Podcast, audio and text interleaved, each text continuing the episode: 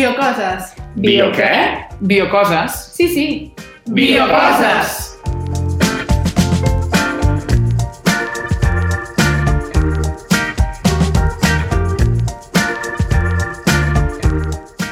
Bon dia des de Mataró Ràdio i benvingudes a Biocoses, un programa en què parlem de ciència i salut perquè tothom la pugui entendre i gaudir com ho fem nosaltres. Aquí a l'estudi hi tenim la Laia Torres Oriol Buscar. i Gerard Soler. I des de la distància la Cèlia Ventura. La biocosa d'avui és... La caca!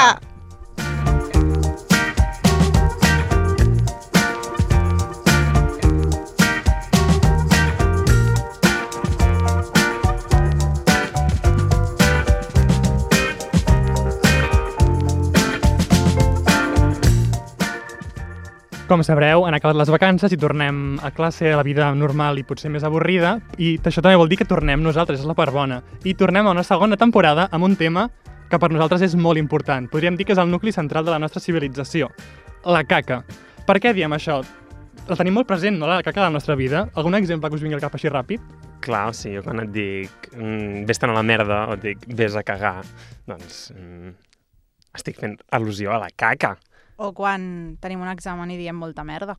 També, i també a les obres de teatre. I a part, també, a la part de tradició catalana, tenim el, tió, caga tió, no caga tió, el tió, de Hombre. cagar-lo, i el caganer. El caganer, és veritat.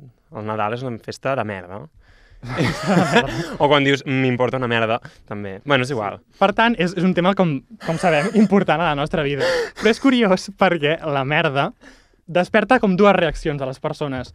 Bé, també pot ser tres, però la tercera seria la indiferència i la gent que no es posiciona doncs és una mica... Bueno. Suïssa. Aleshores, per un costat hi ha gent que fins i tot... Què? Res. Per un costat, hi ha gent que fins i tot em, s'exalta al parlar d'aquests afers escatològics. I, en canvi, hi ha gent que ho troba fastigós, brut i evita el tema. Em, per sort, jo, no sé si vosaltres, sóc del primer grup, que no o sigui, tampoc m'encanta, però no em desagrada. I em, em, això amb el que vull dir és que em, amb el temps s'ha anat descobrint, bueno, s'ha anat descobrint, he anat descobrint, perdó, que hi ha molta més gent que també li agrada el tema de la merda i com que li agrada parlar del tema de merda. Posant un exemple, quan vaig comentar fa unes setmanes a uns amics meus que el tema del programa seria la merda, tothom va començar a compartir la seva experiència sobre la merda, rotllo.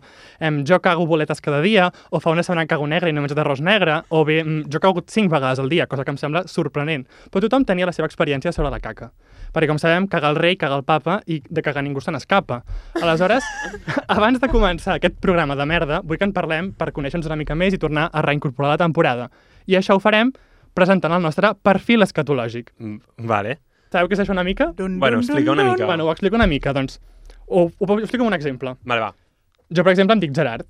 Els Hola, Gerard. Hola. Els meus hàbits escatològics són intentar cagar al matí, però moltes vegades no tinc temps i acabo quan puc. I aleshores no tinc un hàbit molt, molt fixe. I a part, també sempre tinc com moltes ganes de cagar després de dinar. És una cosa així com bastant concreta. I S'ho té estudiat, eh? programa. la tercera cosa que heu de dir és el lloc més estrambòtic o una experiència estranya on, on hagueu cagat o alguna cosa així. I el meu cas és, jo vaig cagar al- al desert del Sàhara, al costat d'una palmerta molt petita i a punt de desmaiar-me perquè portava 5 dies sense cagar i em va venir com de cop i havia de, de, de parar a algun lloc per poder anar de ventre. I va ser això, el Sàhara allà enmig A la de... sombra de la palmera. No hi havia mossa. només Ombra, similar. perdó. Però Mira. sí, era això. A mi m'agrada um, com estar-m'hi Nom, nom, dos segons. com et dius? Ai, em dic Oriol, hola. Hola, Oriol. M'agrada estar-m'hi com dos segons i ja està, en plan ràpid i ras i Ah. curt. I, Val. i però li dono molta importància, o sigui, sempre em fixo moltíssim en com és tot. I bueno.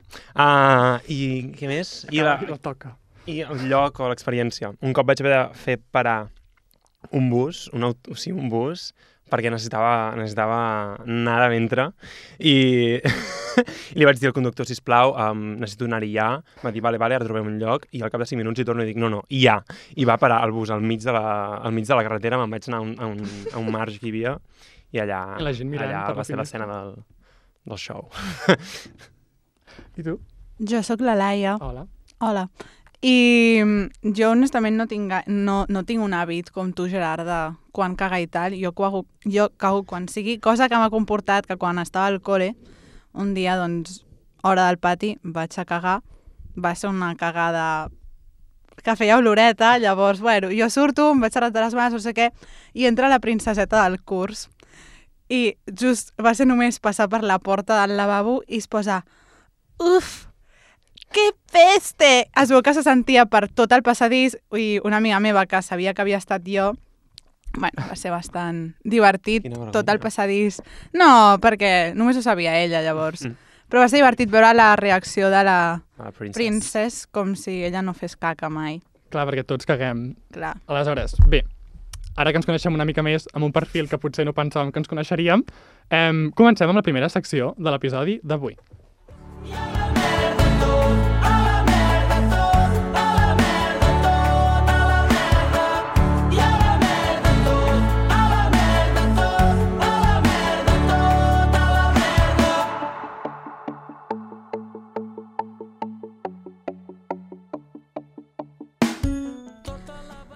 Molt bé.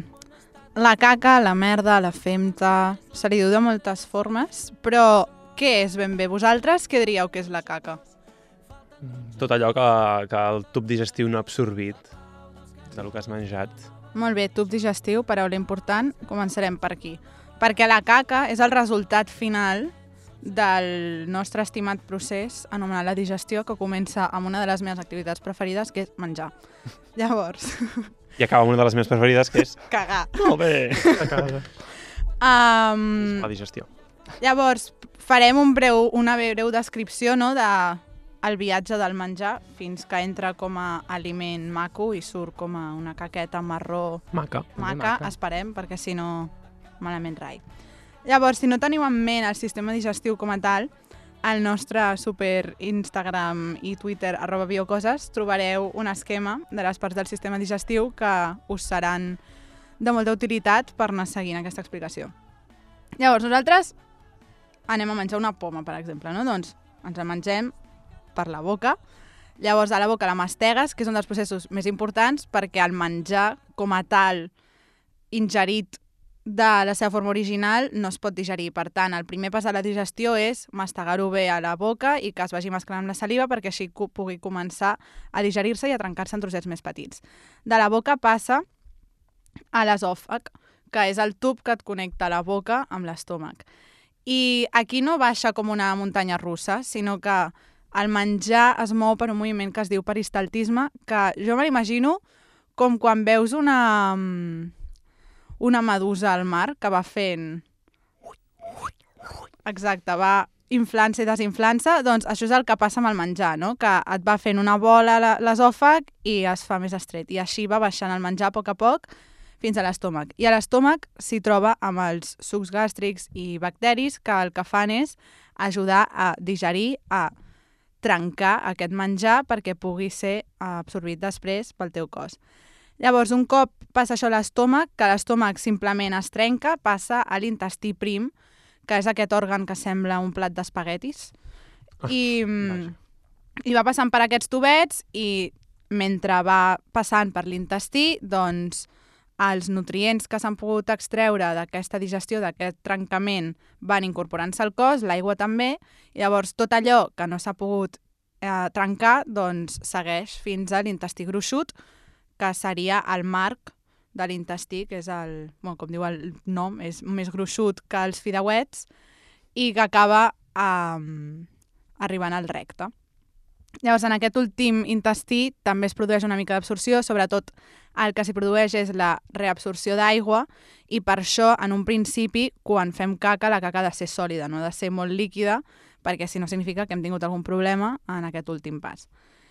I mm, tot això es segueix fent amb els moviments peristàltics perquè aquests moviments, a part de facilitar que l'aliment vagi movent-se, fa que tinguin més adherència a les superfícies i que pugui anar-se internalitzant més nutrients i més menjar.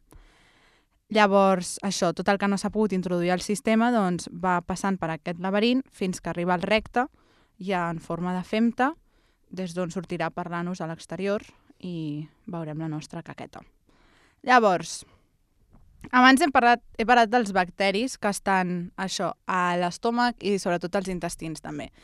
I és important remarcar que els bacteris sempre els tenim com un agent nociu, dolent, que l'únic que fan és mal, i en aquest cas no. O sigui, els nostres bacteris eh, intestinals són crucials perquè puguem eh, aprofitar tot el menjar que ingerim. Sense ells, segurament, no podríem... Bueno, la digestió no tindria lloc i no podríem treure energia del menjar i llavors doncs, acabaríem morint principalment. Llavors, hem de tenir en compte que els bacteris poden ser dolents, però també molt, molt bons i necessaris per la nostra supervivència. Llavors, ara que ja sabem més o menys el camí de la caca, la caca com a tal, són, com he dit, els, els excrements jeje, de la digestió, però a part de ser tot el que no es digereix, com seria, per exemple, la fibra, que ja en parlarem en un altre moment, perquè és un tema prou ampli, doncs també podem trobar residus cel·lulars de totes aquestes parets de l'intestí de l'estómac, perquè vulguis o no, amb el pas del menjar, les cèl·lules que estan en contacte amb el menjar es van deteriorant i es van morint, o també eh, hi trobem doncs, greixos i altres substàncies que no s'han pogut incorporar, i alguns pigments com la bilirrubina, que ens sona de la cançó, però principalment la bilirrubina són les restes dels glòbuls vermells.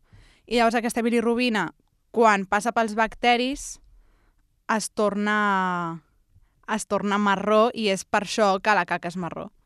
I l'olor de la caca és també per l'acció d'aquests bacteris que secreten doncs, eh, molècules que fan que la caca acabi fent pudor o oloreta. Val, aleshores, així com per resumir una mica la secció, com, de, com, com a components importants, què hi ha a la caca? Doncs el component principal és l'aigua i llavors després de l'aigua tota la part sòlida serien aquestes restes cel·lulars de les cèl·lules del sistema digestiu, tots els elements que no s'han pogut digerir i... I bacteris, no? I bacteris. Els bacteris bons que hem dit, doncs també al cap i a la fi s'acaben morint i acaben sent excretats per sí, la cagar és un cementiri de bacteris, també. que trist. Però bueno, passem a una, una següent secció potser més feliç, esperem. Eh, secció de l'Uri.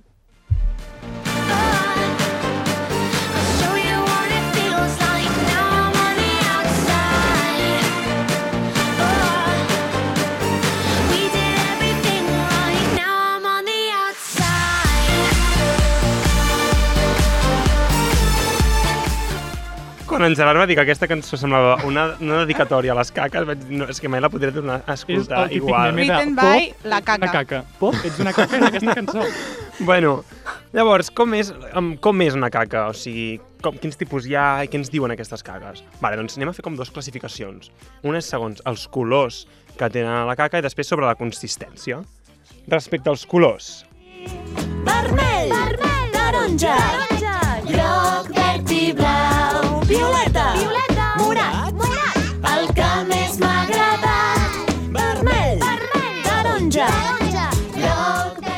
Doncs sí, la caca pot tenir molts colors, val?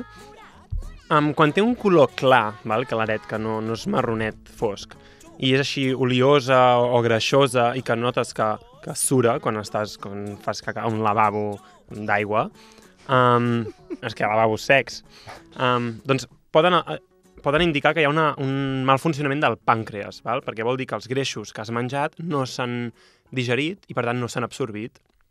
I aleshores, doncs, uh, aquest, uh, la caca sura perquè el greix no l'has absorbit. Però aleshores el menjar passa pel pàncreas. No, el pàncreas és un òrgan que secreta els enzims per poder degradar uh, el greix. O sigui, tots els suquets que hem dit que estan a l'estómac i als intestins venen en part Pel pàncreas, pàncreas. correcte. Un altre, bueno, un altre tipus de color clar, quan la caca és clara, molts cops és per la falta de bilirrubina, vale? Que és el que ha dit abans la, la Laia. La, rubina, la bilirrubina és una substància que es, que es produeix en el fetge i la bilirrubina molts cops, o sigui, està a la sang, principalment.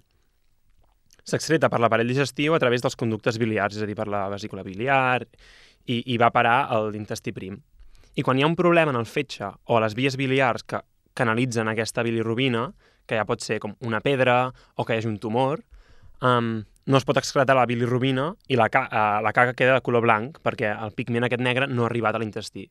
Vale, però llavors, per on s'excreta aquesta bilirrubina? On es queda? a la, a la, bi- a la bilis, no? I quan s'acumula més, més, més? La cagues, en Ex- cagues més. No, perquè no la pots, no la pots cagar si tens Explota. una pedra. és molt... Ah, clar.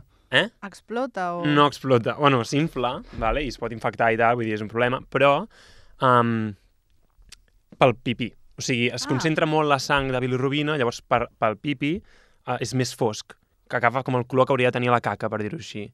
Llavors, si tu fas caca blanca i pipi negre, és que tens algun problema a les vies biliars, Quants vale? colors. Mal rotllo. aneu al metge si passa alguna cosa d'aquestes. Caca blanca i pipi negre, També. recordeu. Veig en blanc i negre o... Una, una, altra cosa, una altra cosa que t'hauria t'hauria de fer anar al metge és quan hi ha caca vermella o que hi ha vermella a la caca, que vol dir que hi ha sang i aquí s'ha d'estudiar què és el que passa. A no ser que hagis menjat remolatge el dia abans. Ahà. Que jo un dia em vaig espantar. Bona, bona, bona. I si sou consumidors habituals de remolatge, feu una setmana de no menjar-ne per a veure. Que no hi hagi sang, de veritat. Exacte. Llavors, um, també un altre color és el negre, val? El negre pot ser que hagis menjat arròs negre, o també pot ser sang digerida, que per tant és sang que s'ha ha sortit, ha ha anat a parar en el, en el tub digestiu per al nivell de l'estómac, més o menys, o sigui, per la part superior del tub, i que l'has digerit. Per, pot ser, per exemple, una úlcera que està sagnant.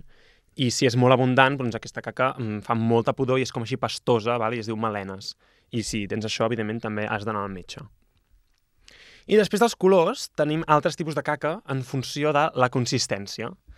Perquè la vida és dura i la merda, Home, millor que no També. sigui tant. no, la merda tova, no Ah. ah. coneixeu la... no. Però no tota la merda és tova. També. Experiència més agradable. Vale, ara parlem de, de si la merda és dura o no és dura. Perquè la consistència ens diu molt i depèn de moltes coses. Segons la consistència d'una caca, podem tenir restrenyiment, una caca normal, o podem tenir mm, diarrea, val? I per això tenim l'escala de Bristol, val? que va de l'1 al 7. I és una escala que et diu quin tipus de caca tens en funció de la consistència. Val? Ara us explicaré una miqueta. Ui. Tenim de l'1 al 7. Val? Trobareu, perdó, trobareu també la imatge de l'escala de Bristol. Sí, a l'Insta a l'Insta. i al Twitter. Vale. Sí. Tenim set tipus, vale? De l'1 al, al, de l'1 al 2 són el restrenyiment, vale? I l'1 seria com les caquetes aquestes de cabra, que són com, com pinyols, vale? Uh -huh. I això és restrenyiment. Un altre tipus de restrenyiment és com quan són aquestes boletes que estan com enganxades entre Semblen elles. mores. Com, sí, com, com mores allargades, exacte. I això també és restrenyiment. Llavors venen els tipus més mm, sants, per dir-ho així, els, els idonis, que són quan la caca és com en forma de botifarra, però que té com esquerdes, és a dir, com les pilotes d'abans, però ja és com més un cos uniforme. I llavors hi ha el tipus 4, que és la, per mi és la perfecta, que és com si fos una salsitxa, és a dir, que és llisa i és tova i, i, i això, val? La caca Llavors, perfecta. a partir d'aquí, a l'escala de Bristol, a mesura que vas pujant, doncs vas fent caca cada vegada més líquida, val? I el tipus 5 seria ja com, com trossos tous, val? I més, bueno, més separats i més trossos. Com farinetes. Sí. Això potser ja seria més el 6, Ah, que ja és com més desfet, vale. i hi ha el tipus 7, que és líquid. Val? Cinc és semblen- líquid, 7. Els cinc semblen bombonets. caques de tortuga. Hem tingut mai tortugues d'aigua? Mm, Que cagant és com que són com així com flotant Ai, i com separades. No tenia tortugues d'aigua, jo en tenia de petit. pues, bueno, mm, pues sí, com les tortugues. Llavors, clar, pots tenir restrenyiment, pots tenir diarrea... Hi ha moltes coses que et fan alterar la consistència de les caques, ¿vale? Um, una causa de restrenyiment, per exemple, podria ser la inactivitat física, és a dir, si tu no et mous, és molt més probable que tu vagis restret i que et costi molt més anar al lavabo i que vagis al lavabo cada molt més temps, val? I, bueno, doncs, si aneu restrets, o sigui, feu poca, poca activitat física i aneu restrets, doncs proveu de fer esport, aviam si funciona. Aviam, abans de prendre algun medicament o així, que és gratis. Llavors, Excusa per fer esport. sí, tot, fer esport sempre va bé. I si hi ha diarrea, doncs pot ser per molts motius. Tant pot ser perquè l'intestí gruixut, que és l'encarregat d'absorbir els, absorbir els, l'aigua, no absorbeix els líquids, o també pot ser perquè els excreta, és a dir, que fa que va, fa, faci anar a parar l'aigua al- a, a, a, a dintre l'intestí. Perquè, per exemple, hi ha una infecció de còlera o qualsevol cosa. O també la diarrea pot ser perquè augmenta el peristaltisme, és a dir, augmenta els moviments de l'intestí. I això doncs, pot ser per diversos motius. Un podria ser perquè ja has menjat alguna que està en mal estat i hi ha una toxina que fa que eh, el cos doncs, cosa dolenta fora del ventre, no? Vull dir, i que el cos um, activi tots els músculs per fer-la fora l'abans possible i per això fas diarrea. I, o si no, també pot ser perquè has menjat algo que neurològicament estimula aquests músculs i fa que vagis s'acceleri el ritme, val? com pot ser, per exemple, la cafeïna, que quan prens cafè hi ha gent que li fa anar, li fa anar lleuger. Clar, perquè llavors no, no hi ha temps perquè aquesta aigua es torni... Es, o sigui, es, es Clar. reincorpori dins del cos, no? Exacte, o sigui, exacte, no, no li dones temps a que s'absorbeixi, perquè va molt ràpid. Un altre, un altre mecanisme pel qual es fa diarrea, i aquest és molt curiós, és quan menges un excés d'aliments que tenen que són del 0% de sucre i que per tant tenen com adulcorants que no són de sucre, d'aquests que són com light, que són per, per aprimar-se, perquè no tenen calories però sí que són dolços. I passa amb la Coca-Cola light o passa amb l'acero i passa amb, amb galetes d'aquestes que, que no tenen sucre. I és perquè aquests sucres no s'absorbeixen, llavors és com que eh, l'intestí per compensar fa que envia aigua per dissoldre aquests sucres dintre l'intestí i clar, i això fa que, que sigui caca líquida, bàsicament. Saps? Val, llavors, efectes pràctics, quan tenim diarrea, quan cal anar al metge? Doncs, per exemple, quan tens sang o pus a la, a la caca, vale? quan és negre i pudent, vale? que és que hi ha sang digerida. Quan estàs deshidratat, perquè has perdut tant, tanta aigua i tant líquid que, que estàs deshidratat i estàs marejat, per exemple. Quan tens febre i si, si has anat a l'estranger de viatge i tens diarrea al tornar, també ves al metge, que no fos cas que tinguessis una infecció per algun bacteri que s'hagi de tractar. Però no us prengueu antibiòtics si teniu diarrea i mal de panxa, perquè l'antibiòtic és només si tens una infecció, i molts cops la diarrea no és per infecció, i si és per una infecció és de virus, de virus que per tant els virus no es curen amb antibiòtics. Això m'ho va explicar a la primera temporada. Hem de vigilar molt amb l'ús d'antibiòtics. Val, aleshores, ara, ara, Oriol, has dit moltes coses ara de, de la caca de moltes formes, com pot ser, però, clar, com per estar tranquils, quan tu vas a cagar i dius, ai, estarà bé, estava al moment, com seria la caca perfecta? La ideal, que és la que tothom voldria. Per vosaltres com és la caca perfecta? Mm. A veure, El xurret salxitxa, El no? xurret salsitxa, sí, no? ni massa seca i dura, ni massa tova. Exacte. Ah, Exacte, ha de ser com això, com un Bristol 3-4, que és com la botifarra o la salsitxa. I de color? De color... Ostres, doncs no Verda. t'ho sé dir. Verda? Ah, Verda. jo, jo diria un marronet clar, però no t'ho sé dir, la Clar, veritat. no jo està he trobat un, un home que és digestòleg, o això us fa dir, que diu que, que um, la femta ideal és com un color de xocolata desfeta. Però clar, quina xocolata? Quina xocolata, clar. Si és 70%, 70%. cacau o si és amb llet. O 0%, clar. Bé, marroneta. Marroneta. Sí. Marroneta. Perquè si és blanca, malament. Llavors, quina llargada ha de tenir la caca? Hòstia. No, realment no hi ha una mesura estàndard, però en plan que no, si és molt llarga també mm, algo no va bé. Vull dir, si fas una caca quilomètrica, vale? Home, I, quan, i cada quan, hora cada quan s'ha de s'ha d'anar al lavabo per fer caca? Què és lo normal, lo més sa, per dir-ho Un d'alguna cop manera? al dia era... Sí. Un cop al dia? però també, també pot ser sana com 4 o 5 vegades a la setmana. Jo he, he trobat que o un cop al dia hi ha persones que tres cops al dia també també va bé. 3. Fins a tres està com... Ok, saps? A Està, tres. està acceptat. Sí, però quatre cops a la setmana... No, 4 o 5. Això és anar rastret, no?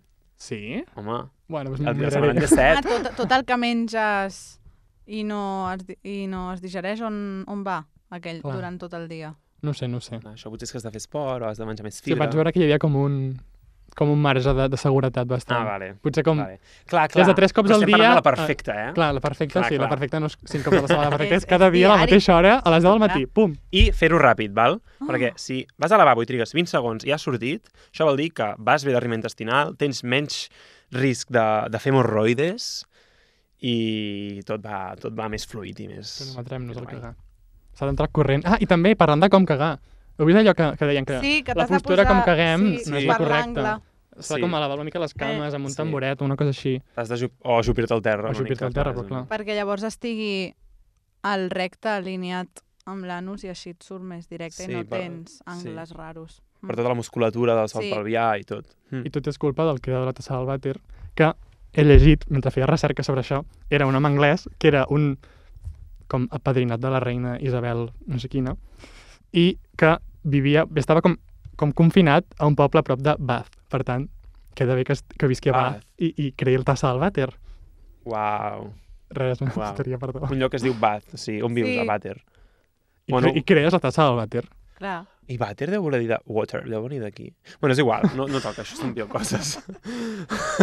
Estem a l'apartat de coses ara mateix. Biolingüística. de coses. Biolingüística. De merdes, estem portant de merdes. bueno.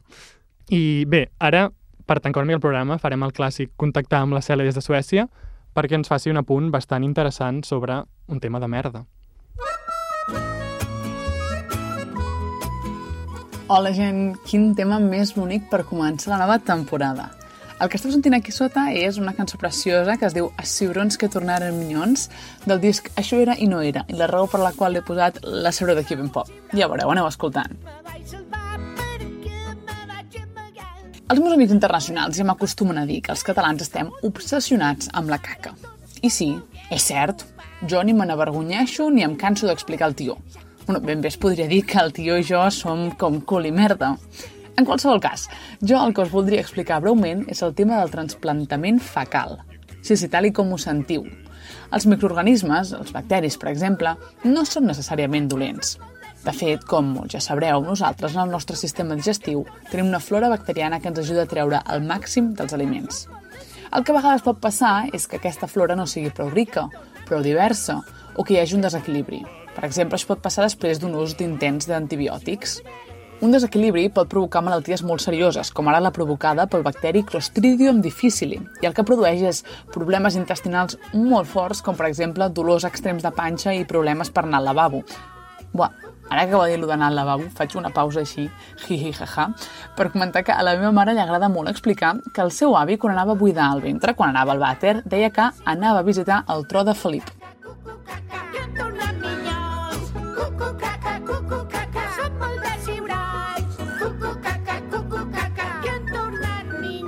Però continuem. Quina solució millor per reestablir l'equilibri i introduir una biota sana que fer un transplantament fecal? Al segle IV, a Xina, ja tenien el que anomenaven la sopa groga, un líquid pastós fecal que s'administrava a aquells que tenien diarrea severa o intoxicació alimentària. Avui en dia els mètodes són una mica més sofisticats. Bàsicament el que es fa és processar la defecació d'un donant sa i administrar-la al pacient a través d'una pastilla o colonoscòpia, entre d'altres mètodes. S'agafa la femta i se n'extreu el que ens interessa, aquesta biota. El tractament encara està en fase de descobriment i és car comparat amb altres alternatives, però és molt prometedor. I a més a més això obre una oportunitat de comerç, ojo, perquè, home, parlem de comprar caca. És que, és que el tema ho té tot, eh? Això pels catalans és donar de ple la diana. I fins aquí la meva secció d'avui. Una forta abraçada, companys, i recordeu que la caca és or.